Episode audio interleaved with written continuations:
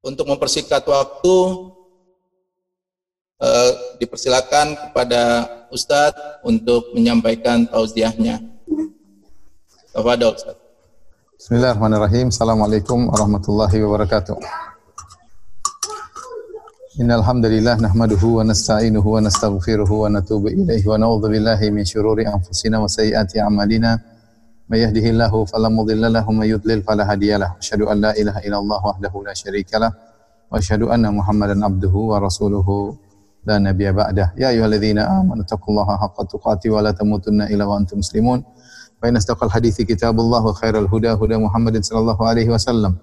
Wa syarrul umuri muhdatsatuha wa kullu muhdatsatin bid'ah wa kullu bid'atin dhalalah wa kullu dhalalatin finnar. Para ikhwan dan para akhwat yang dirahmati Allah Subhanahu wa taala, para dokter-dokter yang dimuliakan oleh Allah Subhanahu wa taala. Uh, insyaallah pada kesempatan kali ini kita melanjutkan bahasan kita tentang rukun-rukun iman. Dan sering saya sampaikan bahwasanya rukun iman adalah ibarat akar dari pohon keimanan kita. Iman kita ini ibarat pohon ya yang memiliki uh, batang, memiliki dahan, memiliki buah ya.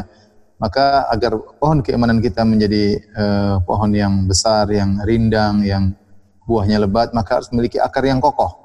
Nah, akar yang kokoh inilah yang disebut dengan rukun iman. Ya, kita semua alhamdulillah memiliki rukun iman tersebut, tetapi ukuran dari akar rukun iman tersebut berbeda-beda antara seorang dengan yang lainnya. Semakin kita belajar, semakin kita kokoh akar uh, keimanan kita dan ini tentu akan berpengaruh dalam keimanan kita terutama tatkala kita Allah Subhanahu wa taala di akhirat kelak. Taib, kita akan bahas rukun iman yang ketiga yaitu al-iman uh, bil kutub. Ya, wa kutubihi beriman kepada kitab-kitab Allah Subhanahu wa taala.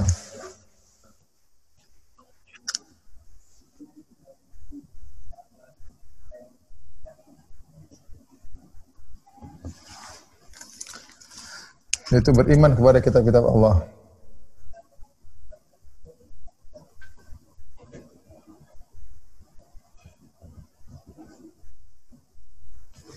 Uh, ada beberapa hal yang perlu kita perhatikan berkaitan dengan beriman kepada kitab-kitab Allah.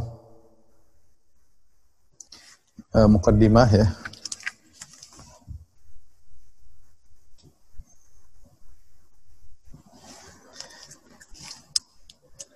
Bahwasanya Allah Subhanahu wa taala ya, apa urgensinya ya? Urgensinya Yang pertama uh, iman kepada kitab-kitab suci termasuk rukun iman. Rukun iman berarti dia merupakan pokok dari keimanan daripada dasar-dasar keimanan yang harus kita uh, perhatikan ya. Kemudian yang kedua uh, Allah memerintahkan memerintahkan kita untuk beriman dengan kitab.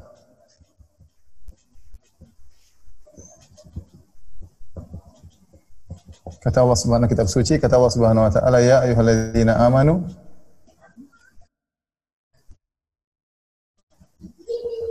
aminu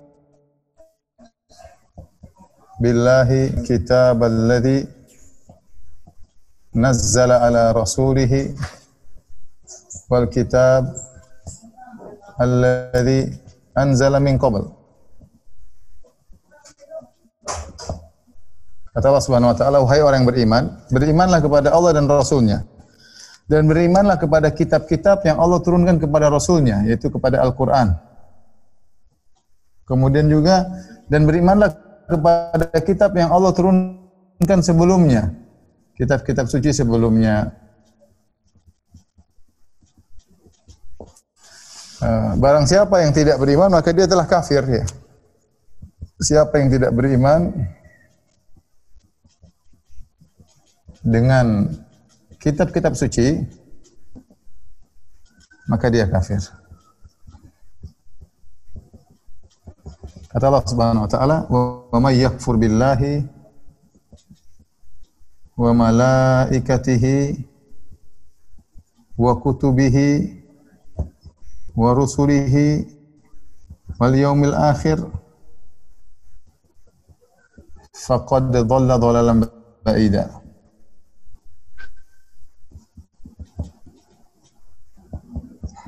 Kata Allah Subhanahu wa taala, barang siapa yang kufur kepada Allah, tidak beriman kepada malaikat-malaikat, tidak beriman kepada kitab-kitabnya, tidak beriman kepada rasul-rasulnya, tidak beriman kepada hari akhirat, maka dia telah sesat dengan kesatan yang yang nyata. Ini menunjukkan bahwasanya urgensinya kita untuk beriman dengan uh, kitab ya. Taib. Secara bahasa ya, definisi uh, Alkitab secara bahasa ya, artinya menggabungkan adzam itu adzam sama dengan menggabungkan.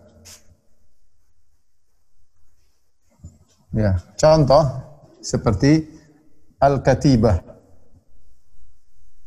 Jadi ada ka ta ba al-katibah.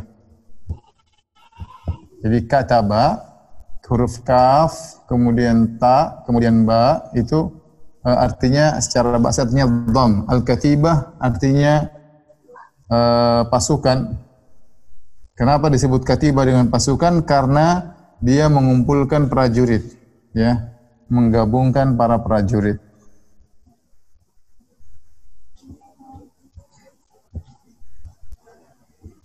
Demikian juga dalam bahasa Arab disebut dengan al-kutab.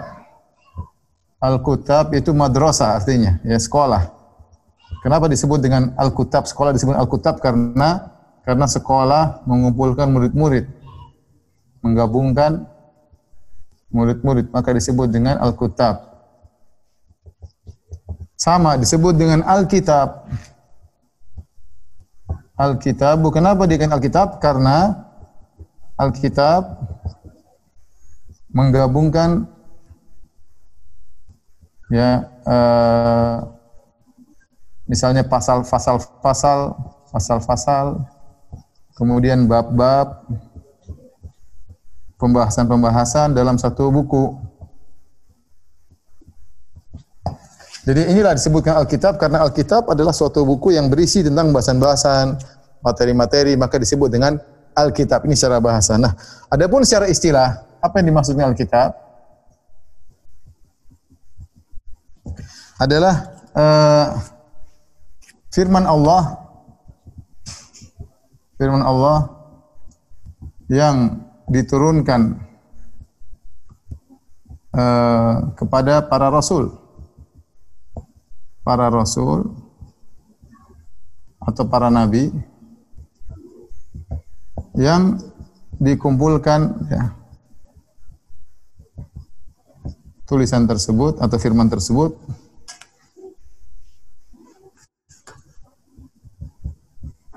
firman tersebut dalam lembaran-lembaran. Ya, lembaran-lembaran ya. Baik. Uh, berikutnya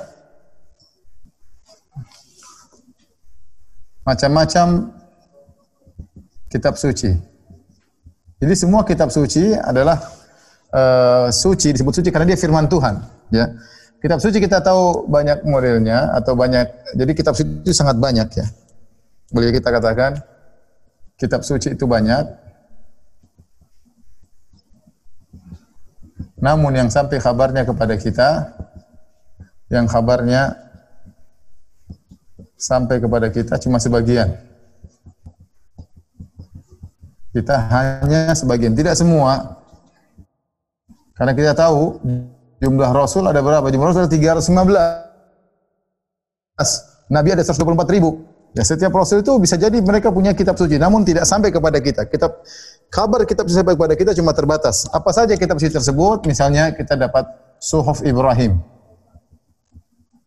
Allah berfirman wa suhuf uh, inna hadalah fi suhufil ula suhuf Ibrahim wa Musa, suhuf Ibrahim. Itu kalau bahasa Indonesia artinya lembaran-lembaran Ibrahim, lembaran-lembaran milik Ibrahim. Lembaran-lembaran Ibrahim ya Ibrahim alaihissalam. Ya. Kemudian di antaranya uh, Taurat. Kemudian di antaranya adalah Az-Zabur. Kemudian di antaranya adalah Al-Injil. Kemudian Al-Qur'an. Ya. At-Taurat kepada Nabi Musa alaihissalam. Az-Zabur kepada Nabi Daud. Al-Injil kepada Nabi Isa alaihissalam. Quran Nabi Muhammad sallallahu alaihi wasallam.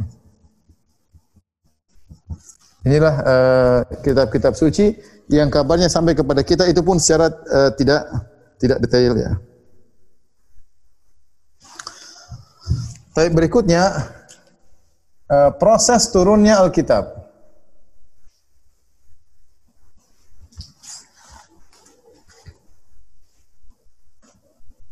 Proses turunnya firman Allah.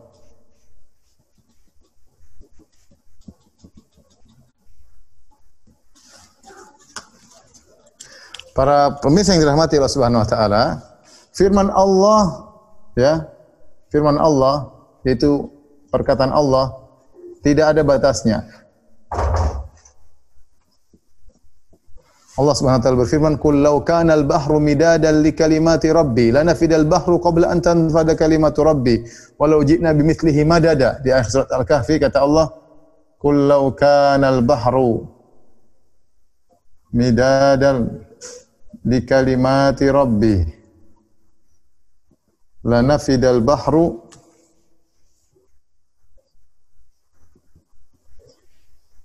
qabla an tanfada kalimat rabbi. Qabla an tanfada kalimatu rabbi. Walau ji'na bimithli madada. Dalam surat al-kahfi kata Allah seandainya lautan menjadi tinta untuk menulis firman-firman Allah maka lautan akan habis sebelum firman Allah selesai. Walau ji'na bimithlihi madada. Meskipun datang laut yang kedua. Jadi laut kita tahu kalau dijadikan tinta mau catat kita saja Ya, mau berapa banyak tulisan kalimat Allah tidak akan ada habis-habisnya. Dalam ini dalam surat Al-Kahf, dalam surat Luqman juga Allah mengatakan, "Lau anna ma fil ardi min syajaratin aqlamun." Ya. Lau anna ma fil ardi min syajaratin aqlamun wal bahru yamudduhu min ba'dihi sab'atu abhurin ma nafidat kalimatullah. Inna Allah azizun hakim. Kata Allah seandainya di bumi ini semua pohon dijadikan pena, kita ambil satu pohon, pohon terus kita potong-potong kecil jadi pena, satu pohon aja entah bisa jadi berapa ribu pena. Ya, semua pohon di alam semesta ini dijadikan pena, kemudian tintanya jadi laut, bahkan ditambah lagi tujuh lautan, delapan laut, ya, jadi sebagai tintanya untuk nulis kalimat Allah maka tidak akan selesai. Ya, mana fadat kalimatullah? Lautan tujuh laut sudah habis, pena sudah dipakai untuk menulis semuanya, tidak bisa menulis kalimat-kalimat Allah. Kenapa? Firman Allah tidak ada batasnya. Nah, eh, kita sudah paham firman tidak ada batasnya. Kemudian apa? Di antara firman-firman Allah ada yang Allah khususkan kepada para rasulnya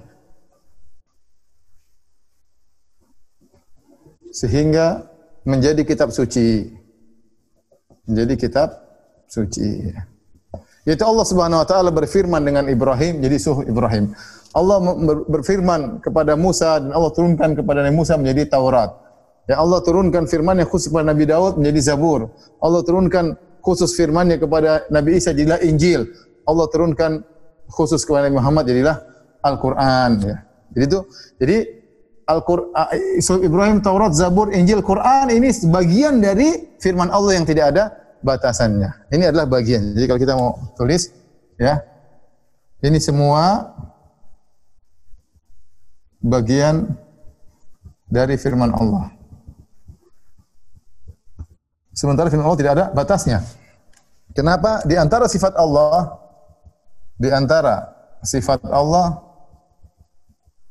adalah Allah Maha berbicara. Allah Maha berbicara.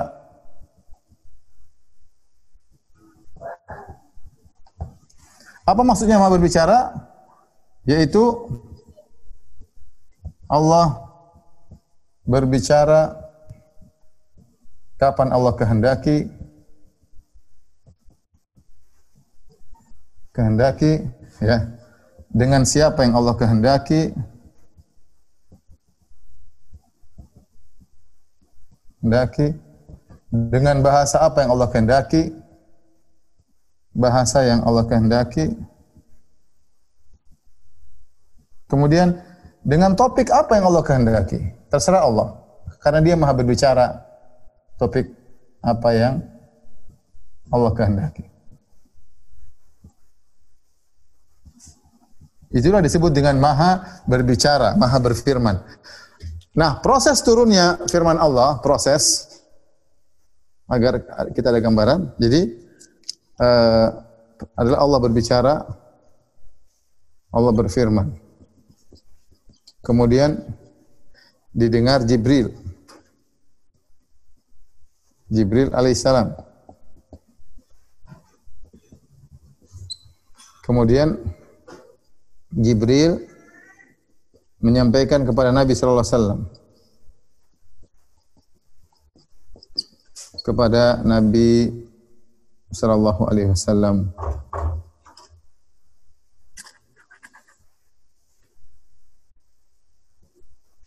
Ya, ini proses ya. Kemudian digabungkanlah ya, digabungkan dalam Al-Qur'an. Digabungkan firman-firman tersebut dalam Al-Quran. Jadi akidah al-sunnah meyakini Al-Quran itu firman Allah. Al-Quran itu firman Allah, lafalnya dari Allah, maknanya dari Allah. Ya prosesnya demikian, sederhana Allah berfirman, Allah berbicara, didengar oleh Jibril. Kemudian Jibril menyampaikan kepada Nabi SAW, Nabi SAW kumpul Al-Quran, menyampaikan kepada kepada kita ya. Adapun pengumpulan sebagai Al-Qur'an bukan di zaman Nabi tapi setelah Nabi SAW. Tapi yang sudah disampaikan kepada Nabi dikumpulkanlah menjadi namanya Al-Qur'an. Ini uh, awal sederhana kira-kira demikian. Insyaallah kita lanjutkan setelah ini.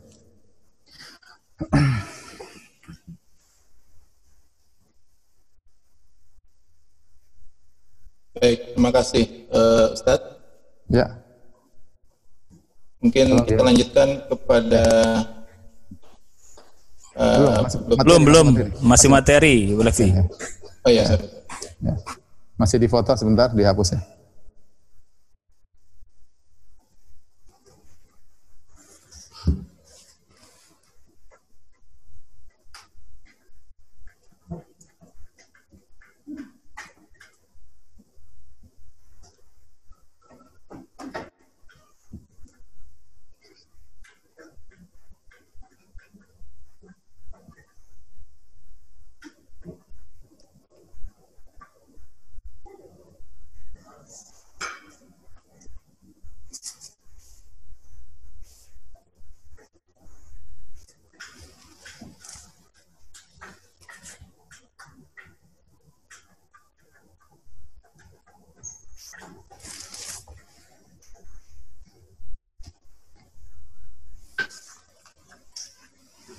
Bahasan berikutnya cara beriman kepada kita kita suci. Cara beriman kepada kitab-kitab suci.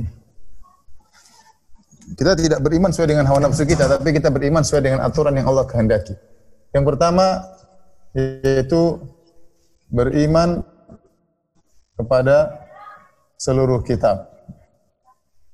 Bahwasanya uh, pernah Allah turunkan turunkan kepada nabi-nabi yang Allah kehendaki. Kepada para rasul. Ya.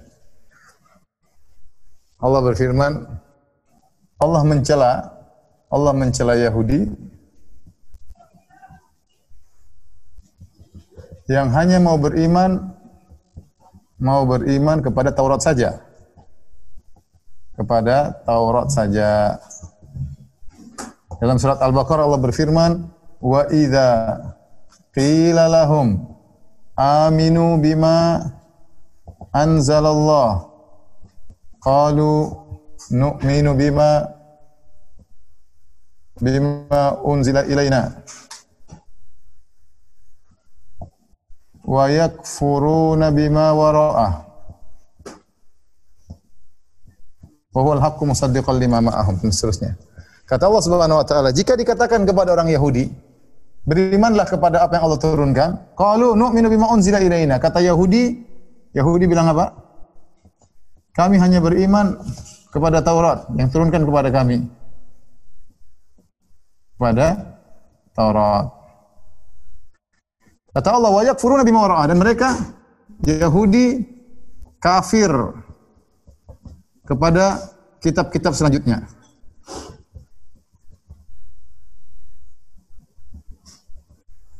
Makanya Yahudi karenanya karenanya Yahudi tidak beriman kepada Injil tidak Yahudi tidak beriman kepada Injil juga tidak beriman kepada Al-Quran. Jika hanya mereka beriman kepada satu kitab dan tidak beriman kepada lainnya, maka gugur keimanannya. Ya, gugur keimanannya. Karena namanya beriman kepada kitab, yaitu harus beriman kepada seluruh kitab pernah diturunkan kepada Nabi dan menjalankan konsekuensinya. Ya. Oleh karenanya Allah memuji orang-orang yang beriman. Kata Allah di akhir surat uh, Al-Baqarah, Ya, amana rasulu bima unzila ilaihi min rabbih wal mu'minun kullun amana billahi wa malaikatihi wa kutubihi wa rusulihi wal yawmil akhir la nufarriqu baina ahadin min rusulih wa qalu sami'na wa ta'ana ghufranaka rabbana ilaikal masir. Kata Allah, kullun amana billah. Seluruh orang beriman beriman kepada Allah, kepada malaikatnya, kepada kitab-kitabnya, kepada rasul-rasulnya, kepada hari akhirat. La nufarriqu baina ahadin min rusulih. Kami tidak pernah membagi beda-bedakan satu rasul dengan yang lainnya. Mereka beriman dengan seluruh rasul dan mereka beriman dengan kitab-kitab suci yang turunkan kepada rasul tersebut. Adapun Yahudi mereka hanya beriman kepada Taurat, yang lain tidak mau. Ya. Yang kedua, aturan kedua, harus jika sudah beriman, jika beriman kepada kitab, kepada sebuah kitab suci, maka harus beriman kepada seluruhnya.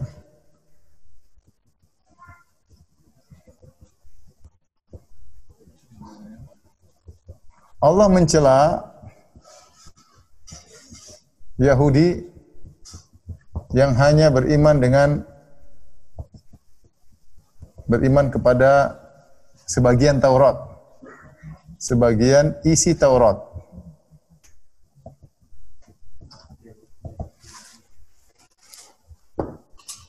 Allah Subhanahu wa taala berfirman, "Afatu minuna bi ba'dil kitab wa takfuruna bi ba'd." Fama jaza'u ma yaf'alu dzalika minkum illa khizyun fil hayatid dunya. Kata Allah Subhanahu wa taala, apakah kalian hanya beriman kepada sebagian isi Taurat.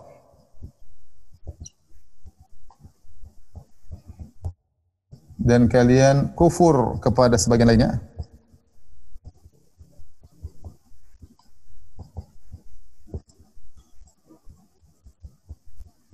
Ini adalah uh, sikap yang keliru ya. Kita juga orang Islam demikian. Kalau kita ada Al-Qur'an yang beriman sebagian, kita kufur kepada sebagian. Tidak boleh. Kita harus beriman kepada seluruh isi Al-Quran, tidak boleh hanya beriman kepada sebagian, kemudian menolak sebagian, karena itu bukan cara beriman yang benar kepada kitab-kitab Allah Subhanahu wa Ta'ala. Ya. Kemudian di antara cara beriman kepada kitab-kitab suci untuk umat Islam maka fokus kepada Al-Quran. Yaitu uh, berusaha semaksimal mungkin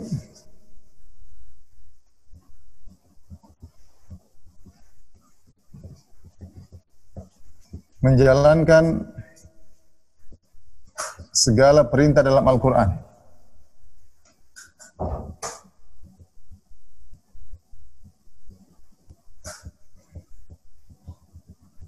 Dan menjauhi segala larangannya. Segala larangan. Kenapa bisa demikian ikhwan? Karena Al-Quran ini, karena Al-Quran adalah kitab kebahagiaan. Al-Quran adalah kitab kebahagiaan. Al-Quran sumber kebahagiaan. Ya, dalam terlalu banyak ayat di antaranya Allah Subhanahu wa taala berfirman ya tentang Al-Qur'an Toha ma anzalna alaikal qur'ana litashqa. Ya, kami tidak turunkan Al-Qur'an agar kau sengsara wahai Rasulullah, tapi agar kau bahagia. Maka semakin banyak kita terkait dengan Al-Qur'an, semakin banyak kita baca Al-Qur'an, semakin banyak kita mengamalkannya, maka kita akan semakin bahagia ya. Jangan kita meninggalkan perintah-perintah Al-Qur'an. Oleh karenanya Allah berfirman, "Wa qala ar-rasulu Ya Rabbi inna qaumi takhadhu hadzal Qur'ana mahjura. Rasulullah mengeluh kepada Allah dengan berkata, "Ya ya ya Allah, semuanya kaumku menjadikan Al-Qur'an mahjur itu ditinggalkan." Mereka punya Al-Qur'an tapi mereka punya kitab suci namun mereka tidak baca. Ada sebagian kaum seperti itu. Mereka hanya taruh di rak-rak sampai berdebu. Terkadang Al-Qur'annya begitu fakhir, begitu mewah dengan lembaran-lembaran yang berwarna emas, dengan indah tulisannya tapi tidak dibaca. Kalau tidak dibaca kemudian bagaimana mengamalkannya? Maka kalau kita beriman kepada suci, kita berusaha menjalankan perintah-perintah dalam Al-Quran dan menjauhi larangan-larangannya. Kemudian yang berikutnya, ya, harus memahami Al-Quran dengan tafsirnya, yaitu hadis-hadis Nabi Sallallahu Alaihi Wasallam. Bukan dengan otak sendiri. Lihatlah Khawarij, lihatlah Khawarij. Khawarij itu mereka Arab. Orang Arab. Orang-orang Arab. Tahu bahasa Arab tentunya. Tapi salah dalam nafsir Al-Quran. Kata apa kata Nabi SAW? Ya, yaqra'una al-Qur'an la yujawizu taraqiyahum. Mereka baca Quran namun Quran tidak sampai ke bawah ke dada mereka, cuma sampai tenggorokan keluar lagi. Karena mereka bahasa Arab. Mereka ngerti bahasa Arab, mereka baca dan paham sendiri. Ini salah. Orang kalau baca Al-Quran harus, harus mengikuti metode tafsir. Ya. Lihatlah Khawarij. Ya. Mereka baca Al-Quran, ya, tapi ya salah dalam tafsir Al-Quran. Uh, demikian juga Lihatlah golongan Al-Qur'aniyun. Lihatlah golongan Al-Qur'aniyun. Al-Qur'aniyun. Apa golongan tersebut? Yaitu golongan yang hanya percaya kepada Al-Qur'an dan menolak hadis dan menolak hadis menolak hadis ya. Tentu ini tidak boleh. Gimana cara kita memahami Al-Qur'an tanpa hadis? Tidak mungkin ya. Tidak mungkin kita pahami Al-Qur'an tanpa tanpa hadis ya. Allah berfirman dalam Al-Qur'an contoh ya, bantahan sederhana ya, bantahan ya. Dalam Al-Qur'an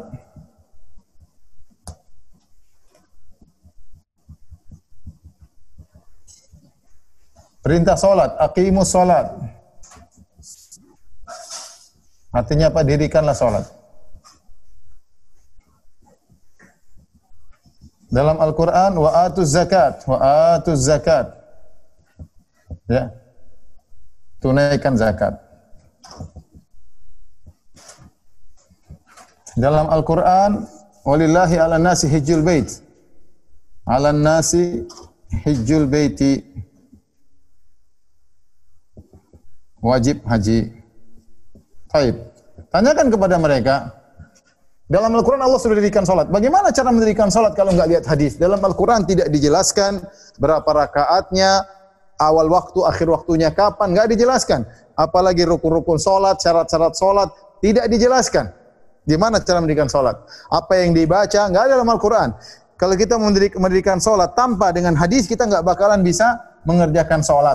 Karena dalam Al-Quran saja tidak disebutkan tentang eh, tata caranya, berapa rakaatnya, awal waktu, akhir waktu mana, tidak ada. Makanya tidak mungkin mereka ini Al-Quraniyun bisa eh, mengerjakan perintah-perintah dalam Al-Quran. Contoh lagi Allah berfirman, wa atu zakat, bayarkanlah zakat. Gimana cara bayar zakat? Nisabnya, haulnya nggak ada dalam Al-Quran. Terus bagaimana zakat emas?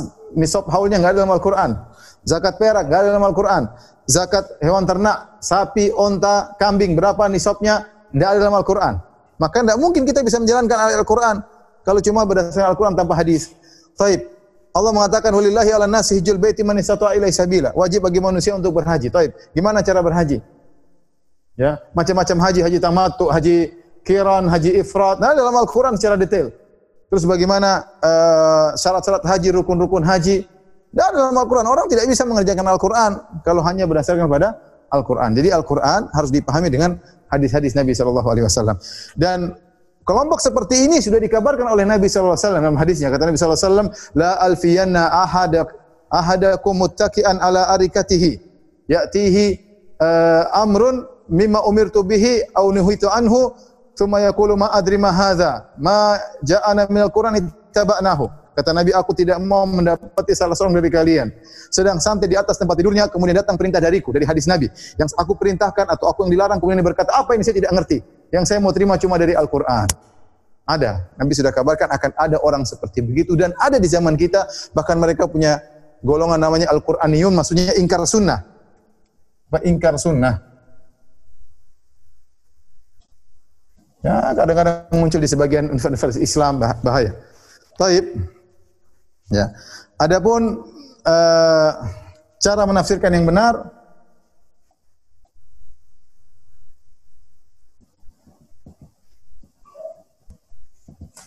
Sebagaimana dijelaskan oleh Ibnu Katsir rahimahullah taala, yang pertama tafsir Quran, tafsir ayat dengan ayat yang lain. Yang kedua, tafsir ayat dengan hadis. Hadis Nabi sallallahu alaihi wasallam. Hadis Nabi sallallahu alaihi wasallam. Yang ketiga, tafsir Al-Qur'an dengan perkataan para sahabat. Para salaf. Karena mereka yang lebih ngerti. Yang keempat, baru tafsir dengan uh, konsekuensi bahasa. Ini adalah metode tafsir bahasa Arab. Adapun seorang buka Quran kemudian nafsir sendiri, maka dia akan sesat dan uh, menyesatkan. Lihatlah Khawarij, tidak ada yang ragu orang Khawarij orang-orang Arab. Mereka pandai baca Quran, bahkan mereka lebih rajin beribadah dari para sahabat kata Nabi uh, tahkiruna ma'a salatim. Kalian akan merasa minder wahai para sahabatku jika dibandingkan dengan salat orang Khawarij. Wa siyamakum asyam kami akan merasa minder kalau membandingkan puasa kalian dengan puasa mereka. Tapi kata Nabi, yaqra'unal Qur'an, mereka baca Quran, la jauh la yujawizu taraqiyam tidak akan masuk ke dada mereka, cuma di kerongkongan, tidak dimengerti. Taib. Eh, kita lanjutkan habis ini.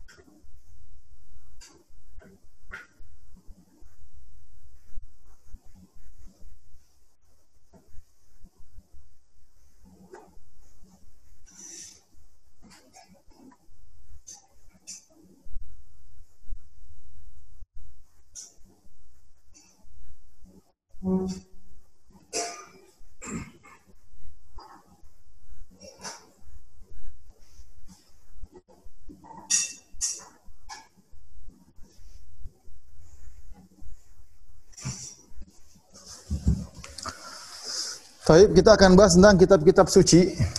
Ya. Tadi sudah kita singgung. Kitab suci apa saja?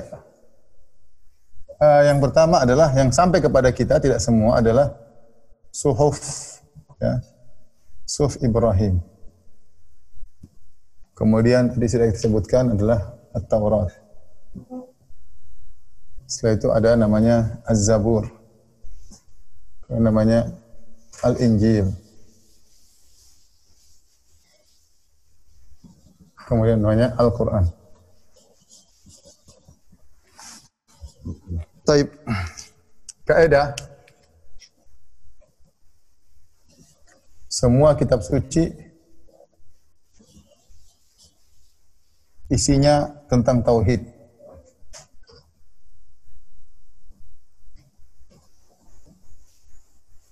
Tapi syariat bisa berbeda-beda.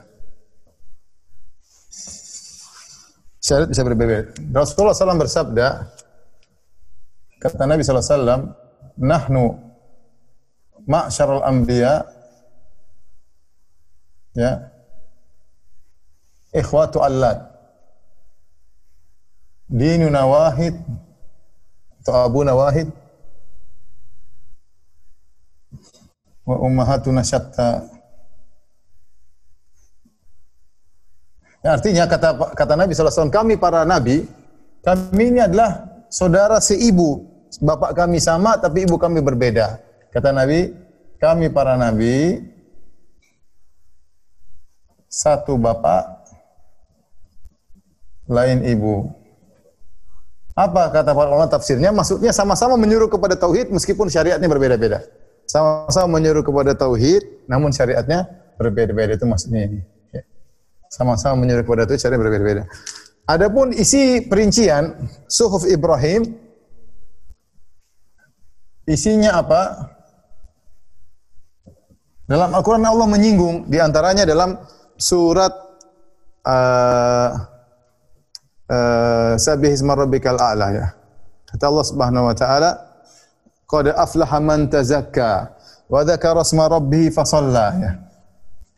Bal tu'thiruna al-hayatad dunya. Saya ulangi ayatnya.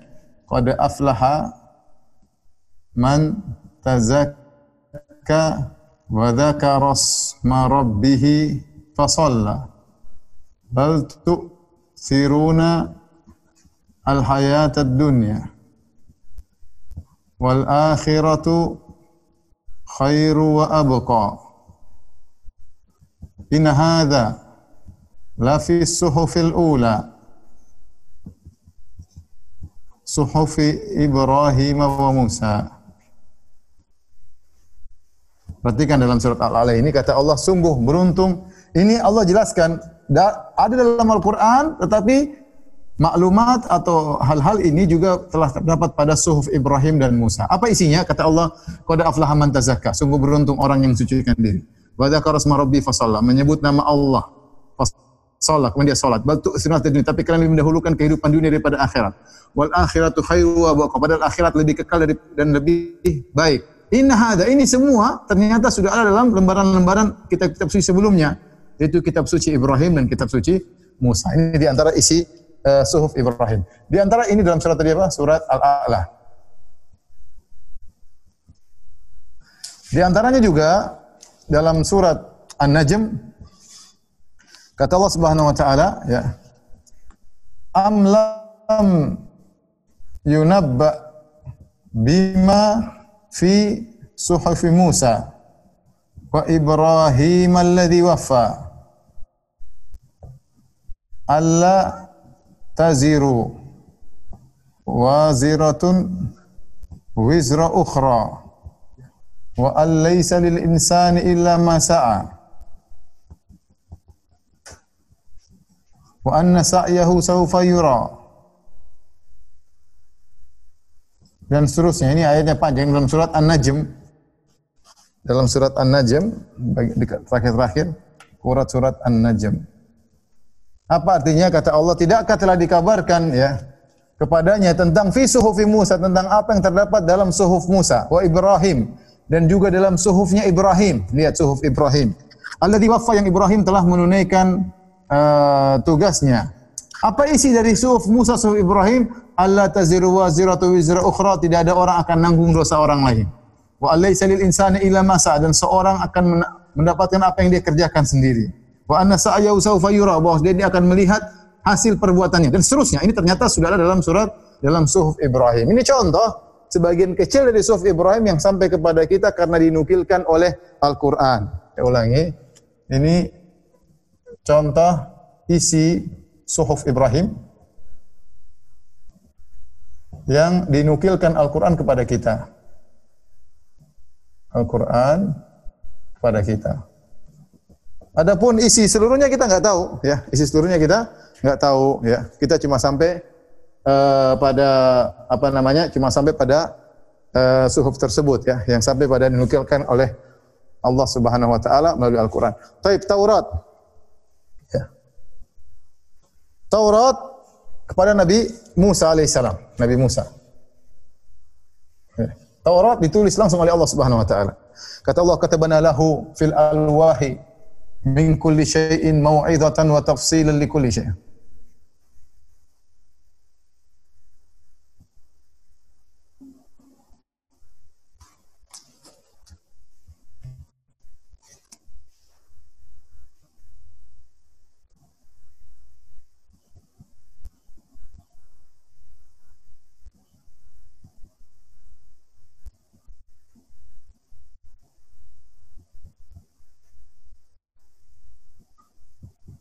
Kata Allah dan kami tuliskan bagi Nabi Musa fil alwah dalam lembaran-lembaran batu min kulli syai'in mau'izah segala nasihat wa tafsilan li kulli syai' dan segala perintah. Kami rincikan kepada Nabi Musa alaihissalam dan kami tuliskan pada Taurat. Timbul pertanyaan, apa isi Taurat? Kita sudah sebutkan bahwasanya semuanya berisi tentang tauhid. Tapi secara detail apa? Kita pun tidak tahu isi Taurat secara detail, ya, karena yang sampai kepada kita perjanjian lama dalam Injil masih banyak penyimpangan-penyimpangan. Tapi yang dinukil oleh Al-Quran, di antaranya dinukil oleh Al-Quran. Di antaranya dinukil oleh Al-Quran tentang hukum kisos. Kata Allah Subhanahu wa taala dalam Al-Qur'an ya anna wa katabna alaihim fiha wa katabna alaihim fiha anna an-nafsa bin nafsi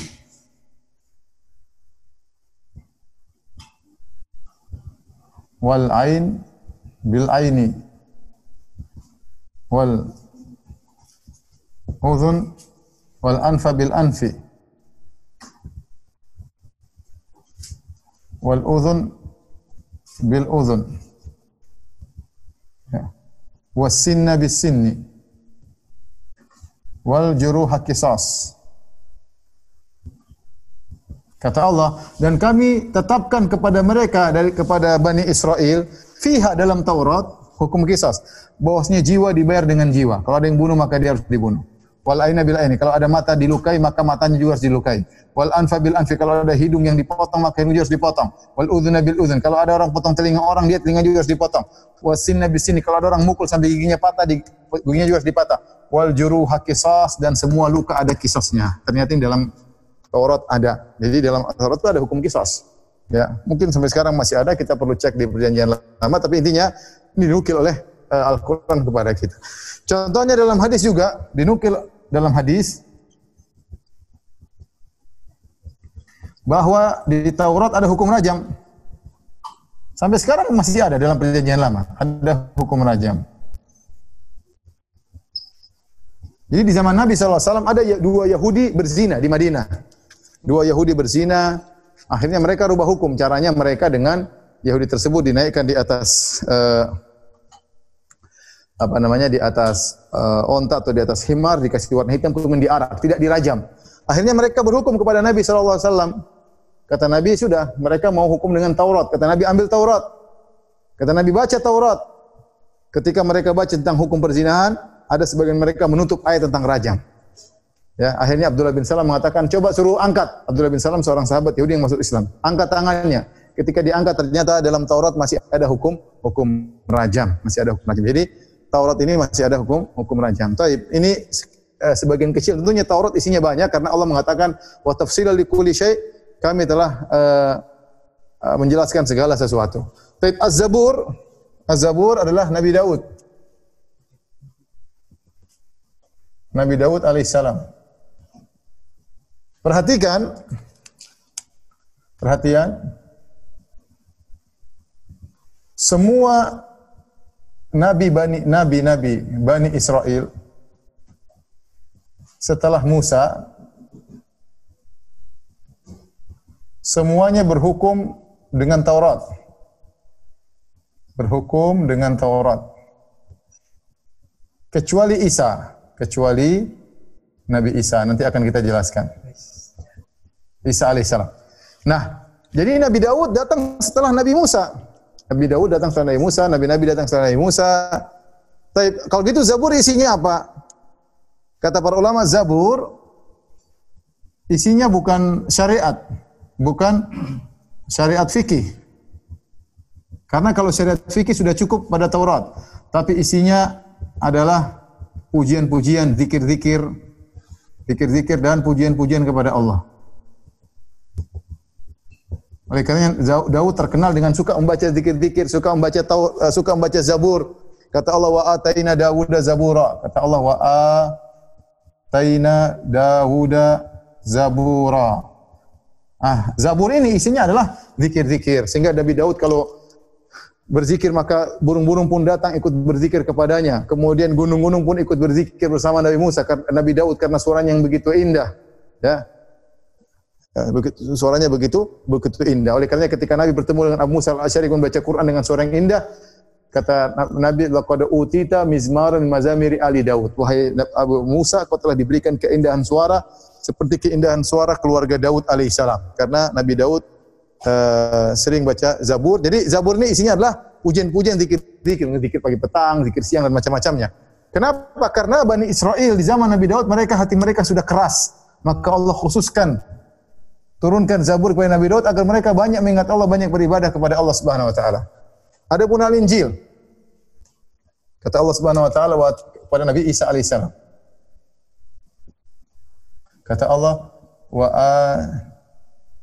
atainahul Injil. Kami berikan kepada kepada Isa Injil.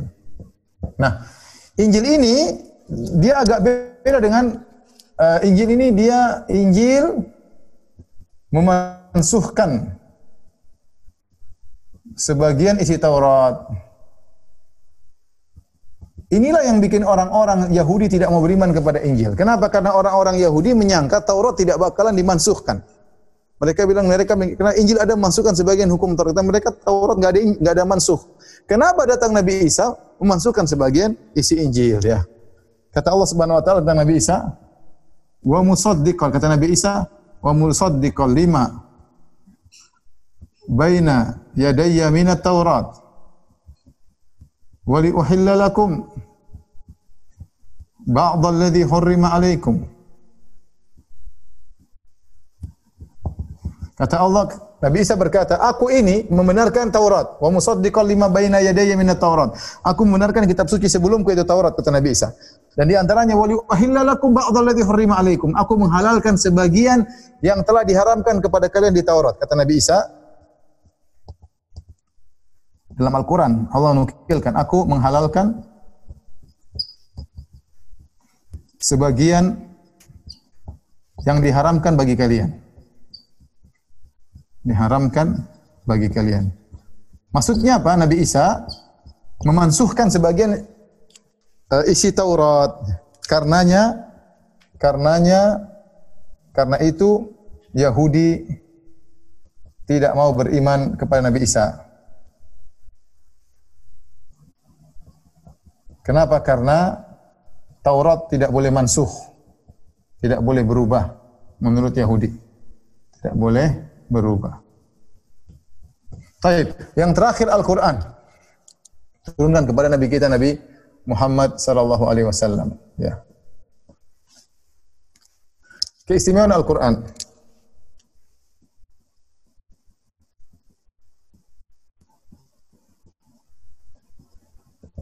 Yang pertama mudah dihafal. Tidak ada kitab suci dihafal kecuali Al-Quran. Anak kecil pun hafal. Kata Allah Subhanahu Wa Taala, "Walaqad yassarnal Qur'ana lidzikri." Kami telah mudahkan Al-Quran untuk diingat, dipelajari, dan untuk dihafalkan. Padahal bahasa Arab itu bukan bahasa yang yang bukan bahasa yang mudah. Bahasa Arab itu bahasa susah. Tapi lihat, Allah kasih mukjizat. Anak kecil hafal Quran, 6 tahun hafal Quran, 7 tahun hafal 8 tahun hafal Quran. Anak masih kecil udah bisa hafal juz amma, luar biasa. Ya. Ini mudah dihafal. Ya. Kitab suci yang lain tidak ada yang dihafal. Tidak ada yang hafal. Makanya ada ide dari sebagian orang, orang siapa hafal Quran maka masuk universitas tinggi tanpa tes ya. Kalau ada yang cemburu silakan yang hafal Injil masuk universitas tanpa tes nggak ada yang bisa karena nggak ada yang bisa hafal Injil, nggak ada yang bisa hafal Taurat. Taib, mudah dihafal. Yang kedua, uh, hakim bagi kitab-kitab sebelumnya.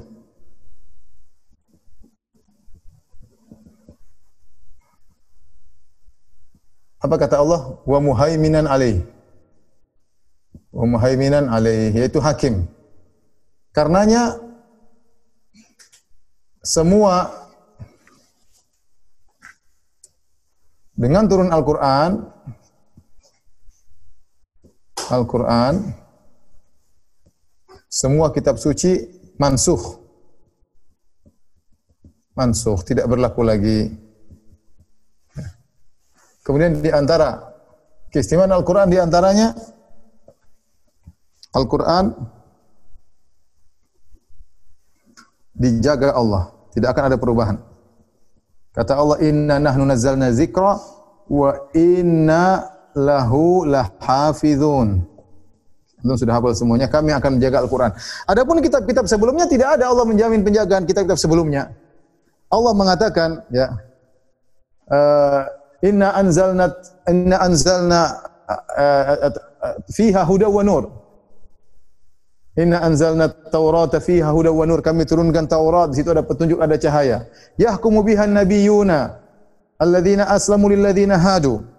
Ya, war rabbaniyuna wal ahbaru bima stuhfidhu min kitabillah. Adapun kitab-kitab yang lain Adapun kitab-kitab yang lain maka para pendeta yang ditugaskan para pendeta yang ditugaskan diminta untuk menjaga. Allah berfirman dalam Al-Qur'an, eh, "Warabbaina al-ahbaru bimastuhfidhu min kitabillah, bimastuhfidhu min kitabillah." Kata Allah mereka diminta untuk menjaga kitab tapi mereka tidak bisa jaga. Mereka ini para pendeta tidak bisa jaga. Ternyata mereka melakukan penyimpangan. Oleh karenanya Injil dan Taurat ya mengalami apa distorsi Injil dan Taurat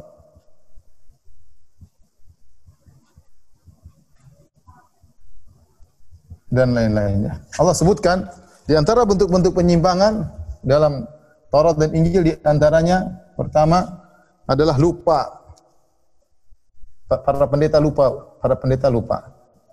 Tidak hafal mereka. Kata Allah Subhanahu wa taala, "Wa nasu hadzan mimma dzukkiru lahum, mimma dzukkiru." Ya. Mereka melupakan, kata Allah mereka lupa. Mimma dzukkiru bih. Mereka lupa. Lupa isi Taurat, lupa isi Injil terjadi pada mereka. Yang kedua, ya, uh, mereka menyembunyikan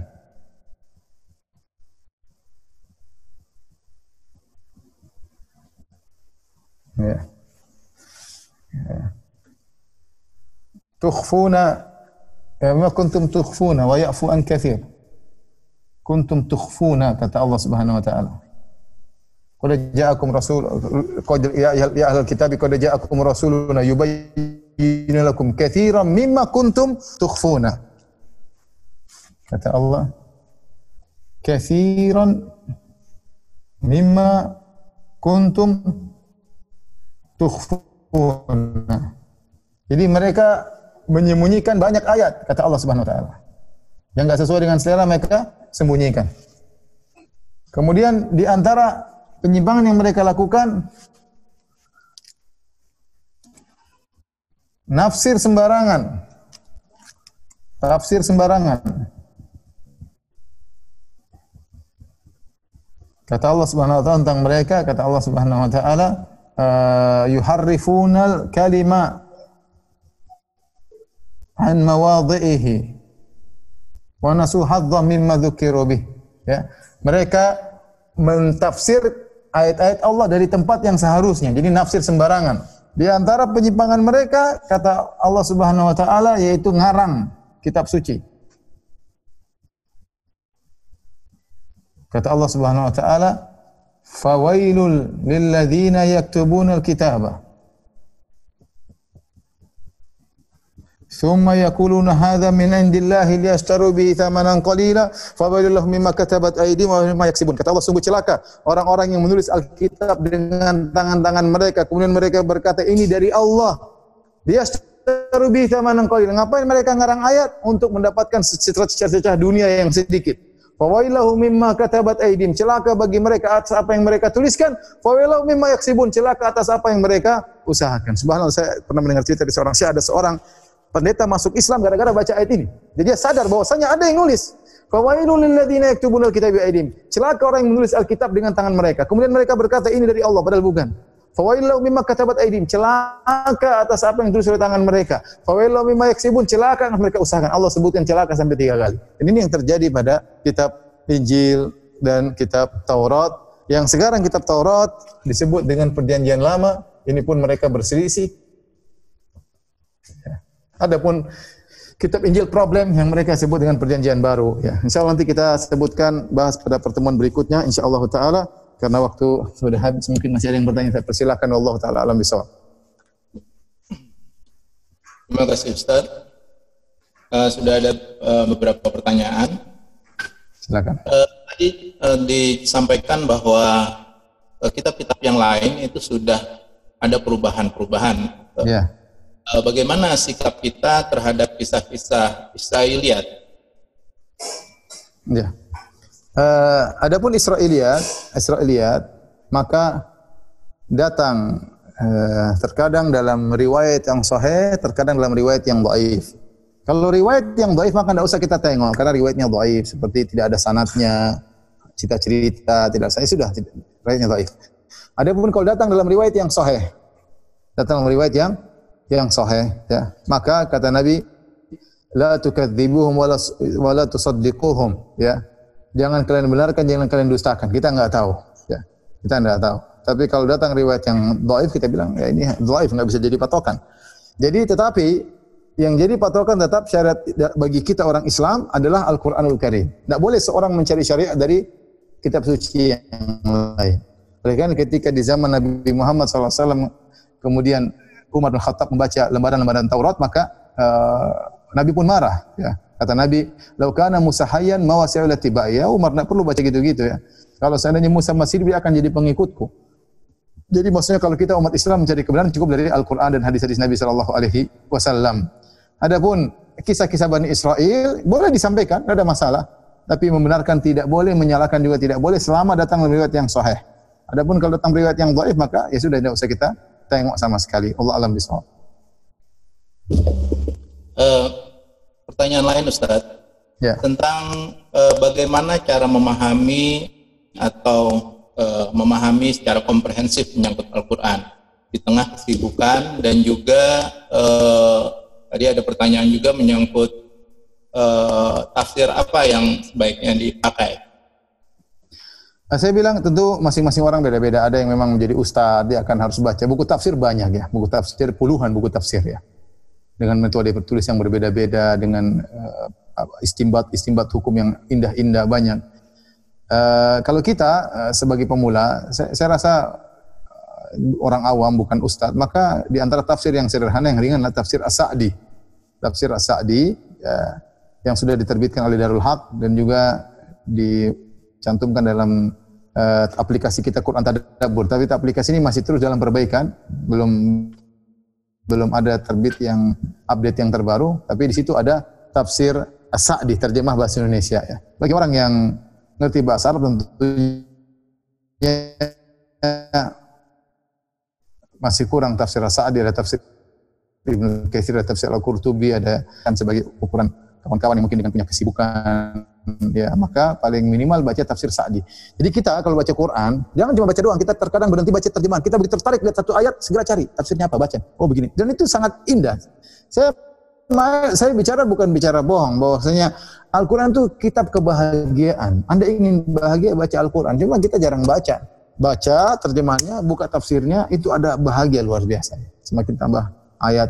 Alhamdulillah banyak kajian-kajian tafsir juga yang sudah di-upload di YouTube di channel saya ya. Tapi ada lagi yang bertanya, adapun ingin belajar komprehensif ya tentu sulit. Ini uh, kita orang awam cukup yang penting mengerti apa tujuan dari Al-Qur'an. Kalau lebih mendalam tentunya ini untuk ranah-ranah para ustaz. Allah alam bisawab. Oke, uh, ada masih ada pertanyaan Ustaz tentang bagaimana uh, kit, uh, kitab itu. Jadi artinya kitab kitab-kitab yang lain itu kita hanya mempercayainya sebatas uh, keberadaannya saja, gitu. Iya, karena Allah telah mengatakan Al-Quran memuhaiminan alih. Al-Quran sebagai pemutus dari kitab-kitab sebelumnya. Ya, kita pernah tahu bahwa saya turun kepada Taurat, kepada Nabi Musa, pernah tahu turun kepada Injil, sehingga kita tahu ada perubahan syariat. Kita ngerti, ya, bahwasanya dulu pernah ada syariat seperti ini. Tetapi ketika Rasulullah SAW sudah turun, maka yang lain semua adalah hukumnya mansuh. Ini ditekankan kepada siapa? Kepada orang-orang Yahudi yang mereka tidak beriman kepada Injil dan tidak apalagi kepada Al-Quran. Sama juga dengan orang-orang Nasara tidak beriman kepada Al-Quran, cukup menunjukkan pada Injil. Maka mereka salah. Harusnya kalau ada uh, kitab yang lain harusnya beriman. Kalau kita kita beriman kepada semuanya, namun kita yakin Al-Quran sudah memansuhkan sebelumnya karena syariat yang berlaku adalah syariat Nabi Muhammad SAW. SAW bersabda dalam hadisnya, "Ma yasma'u bi ahadun min hadhil umma yahudun nasraniyun thumma yamutu wa yu'min billadzi ursiltu bi ila kana min ahli nar." Dalam sahih Muslim kata Nabi, tidak seorang pun dari umat ini mendengar tentang aku Yahudi atau Nasrani kemudian mati tidak beriman dengan apa yang aku bawa kecuali penghuni neraka jahanam. Jadi cukup nabi terakhir, syariat terakhir tidak ada mansuh lagi. Allah alam bisawab. Tadi disampaikan juga Ustadz ada kaum Quraniun. Mm -mm. Bisa di uh, bagaimana muncul kaum ini? Muncul di berbagai tempat, di berbagai tempat. Saya tidak tahu asal muasal, tapi di India ada. Mereka menamakan diri mereka Al-Qur'aniyun. Makanya kalau kita baca ulama India, mereka menyinggung itu. Ya, mereka menyinggung. Karena tempat muncul di India, sekelompok dari kaum muslimin menamakan diri mereka Al-Qur'aniyun. Di Indonesia beberapa kali saya ketemu, saya ditanya, saya tidak tahu kelompok tertentu, tapi pemikiran itu ada. Karena saya sering ditanya, bukan sekali dua kali, sering. Ustaz ada om saya begini hanya percaya sama Al-Quran, hadis tidak. Ada bapak saya begini, oh ada teman saya itu banyak. Jadi ada tapi entah mereka belajar di mana, saya tidak tahu. Tetapi ada namanya golongan ingkar sunnah. Dengan berbagai macam syubhat, mereka tidak percaya kepada sunnah-sunnah Nabi. Kata mereka sunnah Nabi tidak jelas, tidak pasti yang kita percaya kepada Al-Quran saja. Bantahannya mudah tadi, kalau percaya sama Al-Quran saja, gimana cara sholat? Gimana cara menikah? gimana cara apa namanya haji? Bagaimana cara umroh? Nggak mungkin. Ya. Tapi ada kelompok-kelompok tersebut di berbagai di Indonesia juga ada ya. Saya sering ditanya masalah. Tapi ada lagi yang bertanya? Saya kira sudah dirangkum tadi Ustadz. Oh ya, sudah. Alhamdulillah. Kalau begitu sampai sini saja kajian kita. Insya Allah kita bertemu di kesempatan berikutnya masih berkaitan tentang uh, kitab-kitab suci. Insya Allah kita akan bahas tentang apa itu Taurat, apa itu perjanjian lama, itu perjanjian baru, uh, agar kita ada pengetahuan tentang kitab-kitab yang sudah dirubah tersebut. Demikian kurang lebih saya mohon maaf. Wabillahi taufiq walhidayah. Assalamualaikum warahmatullahi wabarakatuh. Irji'i ila rabbiki radiyatan فادخلي في عبادي. وادخلي جنتي.